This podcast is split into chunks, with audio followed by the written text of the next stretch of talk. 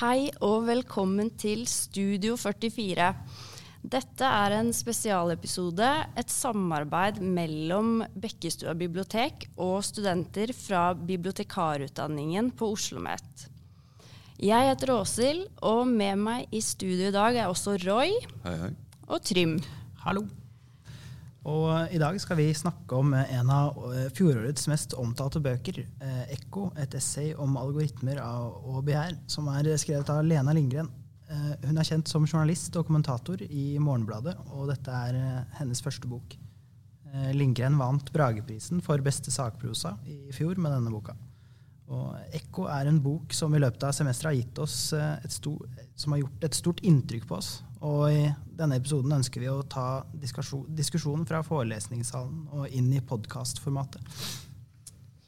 Ekko er jo et personlig essay eh, hvor Lena Lindgren skriver om hvordan medieteknologien påvirker samtiden.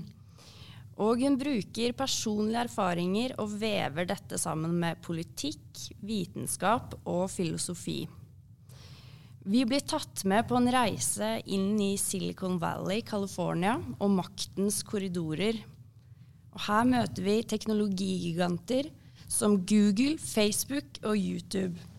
Dette er selskaper som har vokst seg store på bekostning av vår personlige autonomi. Vi blir kjent med akademikere innen medieforskning og filosofi. Og med bakgrunn i myten om Ekko og Narsissus, som er skrevet av den romerske poeten Ovid, så skriver Lindgren om medieteknologiens påvirkningskraft på 2000-tallsmennesket. Så i det hele tatt er Ekko en svært engasjerende og spennende bok. En bok som kommer med skarpe analyser av samtiden. Og det vi skal utforske i denne episoden, er hvordan medieteknologien har fått en så betydelig makt over oss mennesker og livene våre. Og det er det spørsmålet vi stiller i dag. Og det første da vi skal snakke om og prøve å utforske, er myten om Ekko og Narsissus og dens betydning. Og da tenker jeg egentlig bare vi kan starte med et spørsmål. Ja. Eh, for hva tenker dere om myten som redskap for å tolke nye fenomener? Eh, Roy? Jeg syns at uh, hun bruker den ganske bra. Mm. De, jeg tror uten eh, den, det verktøyet som hun bruker for liksom å skape en sammenligning mellom liksom den gamle Ovid-myten og liksom den moderne uh, teknologi uh, nesten avhengigheten vi har utviklet oss, og hvordan vi forholder oss til teknologien, har uh, har blitt kjedelig å lese om hvis ikke hun hadde brukt denne myten her som en sånn verktøy, tenker jeg. Ja, uh, jeg støtter det du sier der, og jeg er helt enig, fordi uh, det er jo sånn populærvitenskap det er. Og det, jeg tror målet til Lena Lindgren er å favne så mange som mulig. og det føler jeg at hun får til når hun bruker myten, for den kan jo fortelle oss noe om samtiden, selv om den er skrevet for 2000 år siden. Og det er det hun er så god på også. Uh, kanskje du kunne sagt noe konkret om det, Trym? Uh, ja, altså For å uh, si litt mer om hvordan Lindgren bruker myten. Da. dette er jo Narsissus og Ekko. alle har jo på en måte hørt De fleste kjenner til Narsissus og på en måte narsissismen og det blir jo stadig mer brukt da, om eh, både eh, samfunnsborgerne og på en måte eh, som et psykologisk aspekt. Eh, men når vi snakker om den andre delen av myten, da, eh, ekko, så er det noe eh, ikke så mange kjenner til. det bruker jo Lindgren i sin bok. Og, og, det er jo med på å bygge opp under de andre tingene hun har lyst til å ta opp da, eh, i, eh, i, boka. Ekko blir jo rett og slett en representasjon av algoritmer. Det er sånn hun bruker det hovedsakelig, til liksom å forklare liksom at algoritmene blir en gjenspeiling av oss, en forlengelse av oss, men også et speilbilde. Um, synes dere at hun uh, bruke, brukte liksom uh, for mye tid på myten? Eller føler du at eh, hun brukte liksom en passe del for liksom å beskrive og sammenligne det opp med det andre hun snakker om? hun kommer jo stadig vekk tilbake til uh, myten. Uh, jeg tenker at det er, en, det er et uh, fint holdepunkt gjennom teksten for å på en måte Det er jo det, da, som jeg innledningsvis stilte det spørsmålet med at det blir jo på mange måter et redskap, et verktøy i teksten, da, for å på en måte kontekstualisere det det man på en måte De algoritmene og på en måte hvordan teknologien påvirker oss da, som, som menneske. Eh, så ja.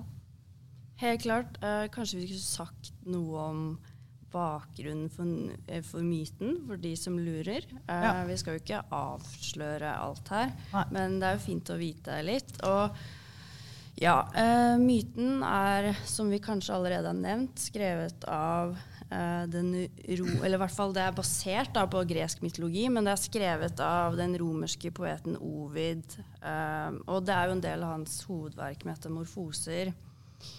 Mm, men Ekko er jo en nymfe som blir offer for en forbannelse. Hun blir dømt til et liv der alt hun sier er gjentagelser av andres setninger eller det siste de sier. Og der kommer jo også begrepet ekko fra. Mm. Mm, men hun blir jo også forelsket i Narsissus, og det er det kanskje mange som ikke kjenner til.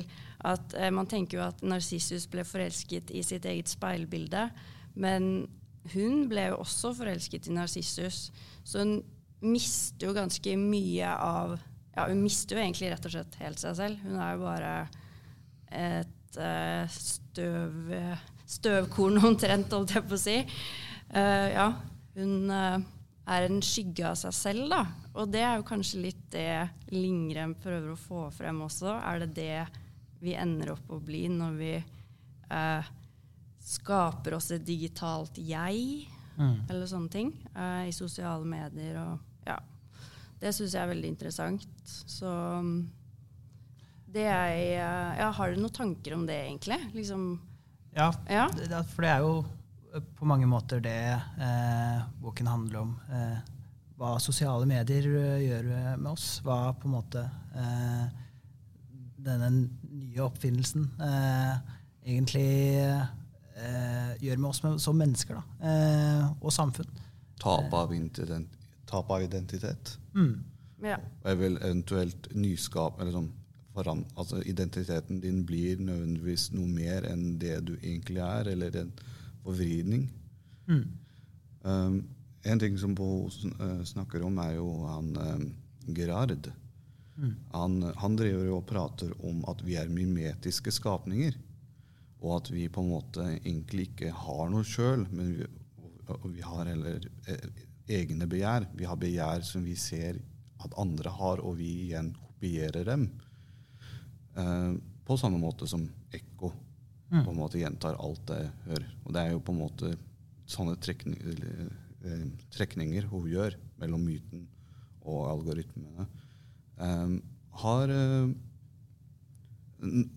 hvordan ser dere for dere, og at hun, hvordan Narsissus hvordan passer hun inn i det med eh, han, inn i det med algoritmer? Hva slags rolle har han, tenker dere? Altså, jeg tenker umiddelbart på at uh, ja, han blir jo forelsket i sitt eget speilbilde, da. Og ja, kanskje det er litt uh, det man blir, da, når man har et sånn digitalt jeg. At man på en måte prøver å bli mer og mer uh, Altså i, i, det fysiske livet, da, så prøver man kanskje å bli Nærme seg mer og mer den digitale versjonen av deg selv. Det er i hvert fall det Lindgren skriver. Men hun nevner jo også mye om at det er så mye altså Det er en sånn tendens i samfunnet i dag at man, man kaster rundt seg med begrepet narsissisme. Eh, og da husker jeg at hun skrev noe veldig interessant, at narsissisten er jo avhengig av andre.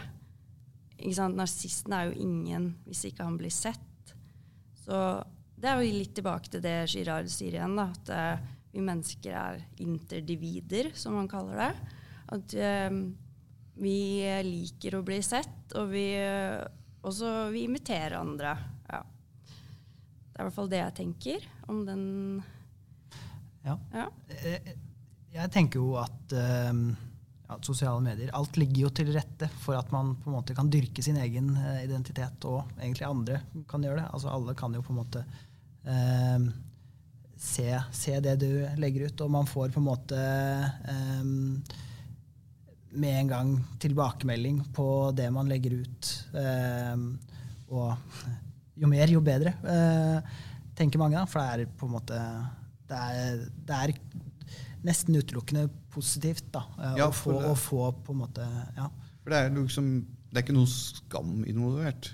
Det å liksom være på en måte ha, ta bilder av seg sjøl, på en måte poste seg sjøl, reklamere seg sjøl, det er Jeg kan se, se for meg at før var det liksom sett litt ned på. Det virka litt sånn egosentrisk og skamfullt ut. og liksom litt sånn uh, Jeg får litt sånn tenker, tanker om uh, uh, Hva var det, den danske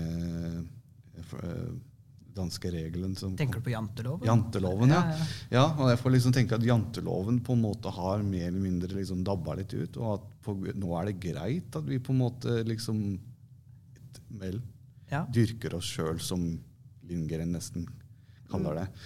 Eh, og når, når, det er, når det er liksom greit å dyrke seg sjøl på den måten, er det greit uh, Er det kanskje litt for lett å tape seg sjøl i det, og liksom bare rett og slett ikke ta seg sjøl ta, ta seg sjøl litt mindre høytidelig? Man, det er ingenting som på en måte bremser det opp. Ja. Nei, jeg må jo tenke selv hva er det det egentlig gjør med oss. Det, det er jo vanskelig å si hva det faktisk eh, gjør med oss. Det at vi blir på en måte At vi får muligheten da, til å lage et eh, Man kan jo i gåsehudene si at det er et fiktivt bilde da, eh, av oss selv. Da. Eh, det, jeg har på en måte siden, siden jeg begynte å bruke sosiale medier, da, eh, Facebook og, måte, og de, eh, så har jeg blitt mer eh, Hva skal jeg si?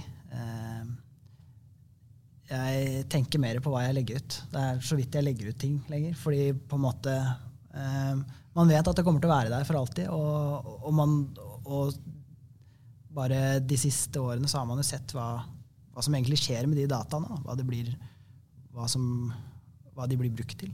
Jeg vet, ikke, jeg, har, jeg vet ikke hva dere tenker. Har dere noen tanker om hva det har gjort med dere? Ja, det er akkurat det jeg satt og tenkte på nå. Fordi du sa du poster mindre, og jeg kjenner meg jo egentlig igjen i det. Eller jeg poster i hvert fall mindre Altså sjeldnere veldig sånn personlige ting, da.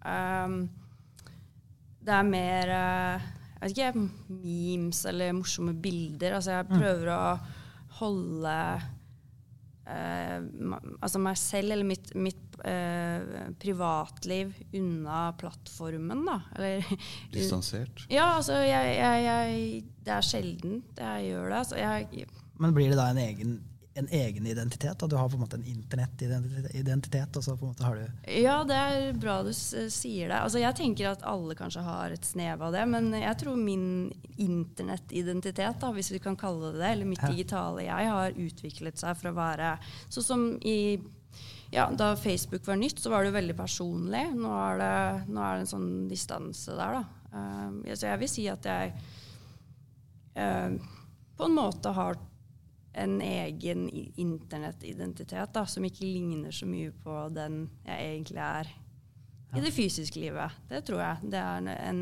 liten sannhet i det, ja. Hva tenker du, Roy? Jeg må si, at, si meg stort sett enig i den delen. Jeg er ikke den mest aktive på sosiale medier, men når jeg er det, så er det en veldig redigert versjon av meg.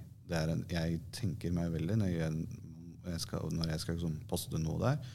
Og ærlig talt, det er veldig, de, de få tinga jeg poster om, er ikke veldig personlige for meg. De er veldig som sagt, distanserte. De, er en, de reflekterer interesser og sånne ting som det, og personlige formeninger.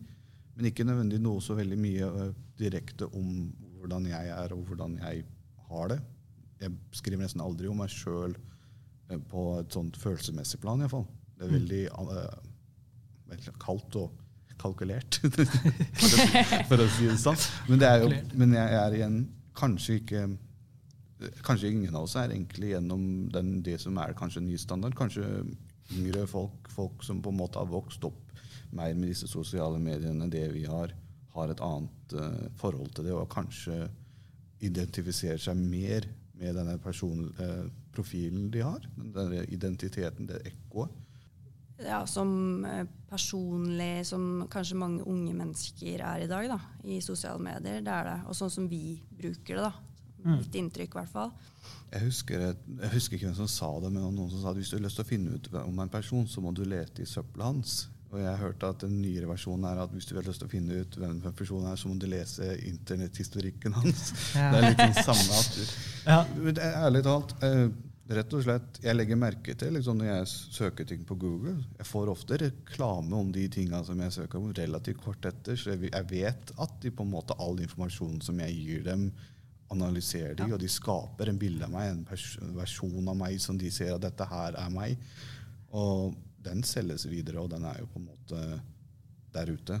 Og Ja, det en, en forlengelse av meg, som eh, Lindgren på en måte sier at algoritmen er. Og hun, hun sier også en ting som jeg syns var litt artig. at um, Hun er litt skeptisk Hun er veldig skeptisk til dette. her. Hun har en viss um, jeg opplever sånn, jeg vil ikke kalle det frykt for teknologi, men på en måte litt sånn nervøsitet, eller hun stoler ikke helt på den. Og eh, en ting hun sier, at algoritmer de føler ikke noe. De har ikke noen formeninger, de er bare en forlengelse av deg, og derfor er de farlige. Og da sitter jeg og tenker liksom Men hvis de er en forlengelse av deg, så er det jo sikkert deg, så er det oss hun er nervøs for. tenker det at det er jo på en måte hva, man, hva som blir gjort med denne dataen. Da, det, det, det som er på en måte en, nesten en naturlig uttrekkelse av en selv, da, av eh, identiteten. For det er som du sier, da, med, med at man plutselig får reklame for ja, ting man har sittet og søkt på, eller til og med ting man bare har snakka om. Det er, det er jo, man, får en, man blir litt mistenksom da, til hva man uh, legger ut, uh, eller hva man søker på. Mm. Og det er jo et veldig viktig poeng der, eh, Trym, som jeg vil at lytterne skal huske på. Det er at uh, ingenting er gratis med sosiale medier. Du betaler for, for det med dine egne data. Så på den måten så kan jeg forstå Lindgren sin skepsis. Um, man selger jo eh, til tider kanskje svært privat eh, informasjon da, til en tredjepart gjennom eh, cookies, er det ikke det? Altså, Eller søkehistorikk da, blir jo solgt videre fra Google bl.a. Eh, til eh, tredjeparter. Men hvis man søker på medisiner eller sykdom, så blir jo det holdt på å si, logget. da. Og, men jeg tenker jo det altså, Den aksepten man har for at andre eh, eier dataen din, den, det virker som det på en måte Det blir mer og mer akseptert. Da, for det, hva er det man egentlig skal gjøre med det her? Det er ingen som leser de tinga de signerer uansett. Nei, ikke sant? Ja, kan ikke, selv etter at jeg har liksom hatt om juss og personvern Jeg leser ennå ikke de, der, de tinga, selv om jeg er klar over at eh, det er en ting man bør lese. Og jeg tror jeg vet ikke, sånn Latskap vinner. Jeg tror egentlig det er det. Og, vi er, og det er liksom alle de der fordelene som kommer med å liksom ha personalisert informasjon, personalisert reklame, søk som du på en måte Når du søker noe på YouTube og får videoer du er interessert i og liker, er det så svart som hun maler det, eller er eh, For hun har ting som hun direkte eh, sier er dette her er ikke en bra ting. Og det er ofte når hun snakker om det, så er det spesifikt dem som på en måte står bak. De som lager algoritmene, de som på en måte eier algoritmene. Tech-selskaper, Petter Thiel, Facebook, YouTube. liksom. Um, ja, Hva tror dere? Altså, jeg skjønner øh, hva du mener om at det er liksom litt svartmaling inni bildet her. Men da, da tenkte jeg skulle gå inn på det med at øh, Lindgren skriver jo spesifikt at algoritmer har evnen til både samle mennesker, spre informasjon og så øh, splitte da grupperinger og, og, og skape rett og slett polarisering. Spørsmålet mitt er egentlig øh, skapes det nye konfliktlinjer da, pga. at øh, liksom, informasjon spres så raskt gjennom da, algoritmer, for så vidt. Ekkokammeret er jo en ting. Ja. ja. Det er en ting som kommer, og det med tanke på ekko er både navnet på boka og rett og slett den, den myten som tar i bruk, så er det jo veldig passende. Det er jo, Jeg så en, eh, rett og slett en video som forklarte rett og slett hvor lett det var å bli radikalisert på YouTube pga. algoritme. Selv om jeg personlig mener at hun svartmaler litt. Uh, hun har poeng. Og det med ekkokammeret er jo kanskje en, av de store på en måte, tinga som jeg er virkelig enig med at sånne algoritmer kan være med å splitte oss og holde oss splitta. For vi får ikke den informasjonen vi burde få. Igjen, det blir jo tilbake til hva, hva gjør det egentlig med oss? Eh, Algoritmer bryr seg ikke om fact-checking. liksom. nei, De, det er ikke det. de bryr seg bare om det som er eh, relevant eller i nærheten av det du søker og bryr deg om. Så De vil ha deg i nettet, på en måte. Holde deg i nettet. Og så lenge du er der, så er det greit. Tror dere at dere gjør liksom vurderinger basert på egne erfaringer og undersøker fakta? For det er ofte liksom folk hopper til konklusjon da, i sosiale medier. 'Å, dette er forferdelig'. Altså man søker søke etter ikke, andre meninger. Altså det er ikke alle som er i stand til det. Og det er kanskje derfor det er så viktig at man fortsatt har nyheter. da. Det finnes nyanser i alt. Og, Nyanser, og vi, er, vi er jo bibliotekstudenter eh, alle mann her. Og det er på en måte noe, noe man legger stor vekt på, det er kildekritikk. da, eh, Og, og kunne forstå informasjon. Hvordan er det bibliotekaren skal på en måte være med på motarbeide på en måte eh, noe vi ikke har snakka så mye om, eh, fake news. da, eh, Falske nyheter. eh, sagt, kildekritikk er en ting som vi må være veldig eh, klar over. Ja, jeg er helt enig i det. Og så tenker jeg å legge til at vi har jo hatt mye undervisning om eh, ja, kildekritikk og hvordan, hvordan vi skal rett og slett eh, lære det bort da, som en del eh, Eller sånn pedagogisk initiativ, da. Og det tror jeg er viktigere blir viktigere og viktigere at biblioteket kommer på banen og ja, eh, rett og slett samarbeider med, med skolene.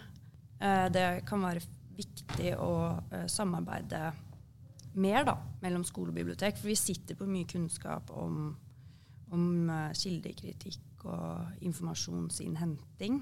Så, og så er jo det en sånn gøy aktivitet også for elever at man kan uh, ja, dra og besøke biblioteket, eller at de får besøk av oss. Da. Så de suger til seg mye informasjon, men jeg vet ikke om de klarer å eh, fordøye den og være kritisk og osv. Og Det er jo liksom ting framover som Lena Lindgren som på en måte bekymrer seg om. Hun er veldig eh, Ikke bare nervøs, liksom, liksom, ikke nervøs, men hun er veldig skeptisk i forhold til teknologien i dag, algoritmer i dag, men hun er også ske veldig skeptisk for hvordan ting kommer til å bli framover. Planene til disse tech-selskapene om sånn, hva de har tenkt å eventuelt bruke denne informasjonen til, og hvordan de har tenkt å forme det, det, teknologiske eh, bildet. Hun har jo hatt en jeg vil nesten si en, liksom, en blanding av som fascinasjon og på en måte litt sånn obsessiv eh, oppførsel rundt han eh, Peter Thiel. Mm. Og hun sier noe sjøl som det her, og Han er jo en, som sagt en av de store tech-gigantene, og, og han går igjen veldig mye i denne boka. Han om hva hans mål, hvordan han er, hvordan han hun eh, rett og slett portrerer han. Og det er én ting hun sier som jeg syns er eh, litt eh, hun, hun, hun sier sjøl det, og hun tar seg sjøl litt i skinnet på slutten av boka og, og sier at eh, hun har malt han som en sauronsk fyrste. At han er på en måte den store, farlige tingen i huet hennes, og hun har aktivt fulgt med. i allseende øyet. ja, Ja. med tanke, ja, det er passende med tanke på at han driver, har det der Palantir, et sånn overvåkningsselskap. som, navn, som sagt, har fått navnet fra Palantir, altså en, ting, eh, en liten sånn overvåkningsgreie i Lord of the Rings, så det er veldig passende. Men eh, hun tar seg sjøl i det at hun sjøl begynner å herme. Denne, hennes søking, hennes eh, rett og slett eh, eh, nesten stalking av fire til over år, har fått henne i en sånn mimetisk hermende loop. Og det, jeg liker veldig mye av det hun skriver, men jeg syns som sagt hun svartmaler litt, og jeg føler at hun ikke nødvendigvis gir hun gir seg ikke sjøl nok tvil på hva hun sjøl mener, føler jeg. Men hun gjør det på et, mot slutten. Men det, når hun gjør det, så hun, tar hun det faktum, altså at hun har havna i en hermetisk gruppe, som bevis for at det at hun har rett, nesten. det syns jeg er litt eh, det synes jeg er litt morsomt. At hun på en måte har eh, havnet Hun sier, sier selv ja, fascinasjonen av Peter Thiel har skapt at jeg på en måte blir forsterka av algoritmene jeg gjør. Ergo Så se, se jeg har rett. Algoritmene er skaper, eh, skaper loops, skaper ekkokammer og sånne ting som det. Nei, jeg tenker, jeg vil heller snakke litt om altså Jeg syns det, det er godt poeng, Roy, men jeg vil snakke litt om Peter Thiel. fordi at han er liksom Det er sikkert ikke så mange som kjenner til han. Og han er jo en litt sånn mytisk figur, da. Tilbake med det, til det med myter og sånn. Eller i hvert fall mystisk, fordi Mystisk, jeg hadde ja. aldri hørt om han. Du, hørt om, du hører liksom om Mark Zuckerberg, og du hører om han, eh, han Musk fra bak Teslaen. Han er i samme kategori. Han er en samme type person, men han er litt mer eh, Han er ikke like i rampelyset. Og det er jo kanskje det for han får den, den mytiske kvaliteten, for at vi vet veldig lite om han. Han er veldig lite i media, men han har, når du ser og leiter, han har veldig mye innflytelse på veldig mye. Ja, absolutt. Eh, Og det virker jo nesten som han aktivt unngår eh, rampelyset. Som sagt, som jeg nettopp nevnte, jeg visste ikke hvem det var. Um, så jeg syns det er veldig interessant at han var så At han liksom bygget eh, businessen sin rundt den teorien da, til René Girard også. Det om Han er jo en girardianer. ja, han er en girardianer, ja. Um, for de som ikke kjenner til René Girard, så det er jo han som er opp, opphavsmannen til den teorien om mimetisk begjær, som vi nevnte i stad. At uh, mennesket er grunnleggende imiterende. De hadde et veldig sånn nært forhold, da, uh, han og Girard. Eller i hvert fall Thiel var veldig inspirert av det. Um, det er jo litt det, Sånn som jeg har tolket det Lindgren skriver, er vel det at uh, han har bygd, eh, bygd bedriften rundt det at vi mennesker eh, har en tendens til å imitere andre. Eh, Et poeng med TIL er at eh, hans tolkning av Girard sin teori er jo at han ønsker å fjerne all konkurranse og bli så stor at liksom, han rett og slett Ja, altså ingen kan nå han, da. Og, men sett opp mot det med imitering Det var noe med skade, eh, syndebukk.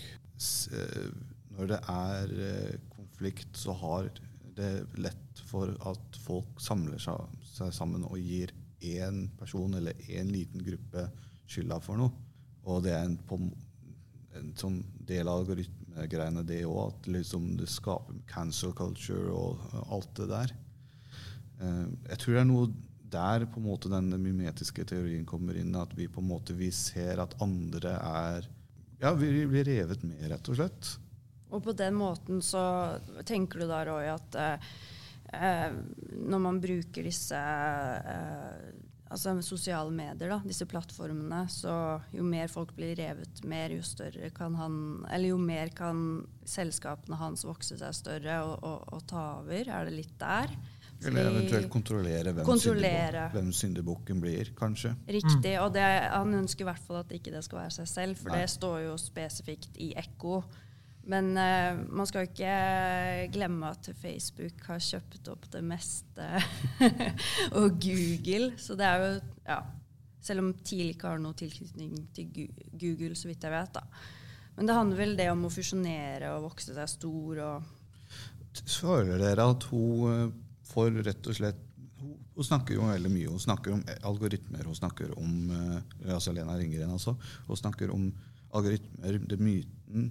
De store tech-selskapene. Føler at dere, hun fikk fram eh, beskjeden sin? At, følte dere at hun var på en måte eh, lett å se hva hun mente eller følte? For det er jo et essay, så det er veldig flytende, føler jeg. Hva tenker dere om det? Hun, hun starter jo essayet med um, at du er på reise i Silicon Valley. Um, Kasta ut i en verden av på en måte uh, Ja, tar opp Peter Thiel og på en måte hva algoritmer er, og setter det i sammenheng med ja, Ekko og, og Narsissus-myten. Det, det, er jo på en måte uh, en verden av kaos. Det er litt vanskelig å på en måte orientere seg eh, i det selve materien. Eh, så, eh, tenker du det er pga. hvordan hun presenterer det, eller tenker du at temaet sjøl er sånn? Jeg, ja, heller sistnevnte. At hun er på en måte en form for kaospilot. Da. Eh, at hun finner noen holdepunkter. Da. Jeg vet ikke hva jeg skal si. Selve um, Problemet? Eller? Ja, problematikken. Det, det, er jo, det, er jo, på en måte det, da. Altså, jeg tenker i hvert fall at det er, det er veldig mye hun er innom da, i løpet av ja, vet ikke hvor mange sider den er. Altså, det er jo ikke en så lang bok. Eh, så, men den største kritikken jeg har hørt, er jo at eh, hvis du ikke er så godt kjent med hvordan algoritmer og slikt fungerer fra før av, så kan det være litt vanskelig å følge med, da. Krever litt forkunnskap. Krever litt forkunnskap. Og vi har jo vært innom en del av det her i studiet og sånn, eh, og har kanskje også interesse for det. Men jeg vil absolutt si at uh, det er en, en, god bok. Og det er liksom spenningstopper. Men den, til tider så kan den være litt kaotisk. Men det er jo også formen. Essay er jo uh, drøftende og Man skal stille spørsmål, da. Være litt sånn undrende. Ja. Samtidig så er det jo et, det et åpent format. Åpent format. Så man kan jo på en måte bruke det litt på sin egen måte. Jeg må legge til at jeg synes det er en god bok. Det er det. Den, den gir på en måte Det, det er uh, absolutt uh, food for thought, da, for å si det sånn. Den er absolutt interessant. Og det, på grunn, av det faktum at det er et essay, og at det er liksom på en måte sånn, litt sånn tanke Sånn flyt. Er litt sånn du følger bare hennes tanker gjennom boken om ting. og er og ikke så veldig akademisk og hard, er det som på en måte gjør den interessant. Men det er også kanskje det som gjør den litt vanskelig å eventuelt gripe tak i alt som blir snakka om her. Det kan være litt vanskelig å følge med. Men stort sett interessant. Altså, jeg er ikke enig i veldig mye av det hun sier. Eller det er masse jeg er enig med, og det er mye jeg er uenig med. Så, men jeg føler ennå at jeg fikk noe ut av å lese boka, og jeg mener at det, var en, det er en bok som er egentlig ja, verdt å lese. Spesielt hvis du er interessert i eh, rett og slett identitet, algoritmer og eventuelt forholdet mellom dem. Og da tenker jeg egentlig at det kan være et, uh, en god slutt på denne praten uh, vår, da. Uh, så vi har altså prata om Ekko, et essay om algoritmer og begjær. Vært innom noe vi syns var interessant eh, ved boka. Eh, så håper jeg dere andre som hører på, eh, syns dette er interessant. Og ta, ta gjerne og plukk opp boka på ditt nærmeste bibliotek. Takk for oss. Ha det bra. Ha det.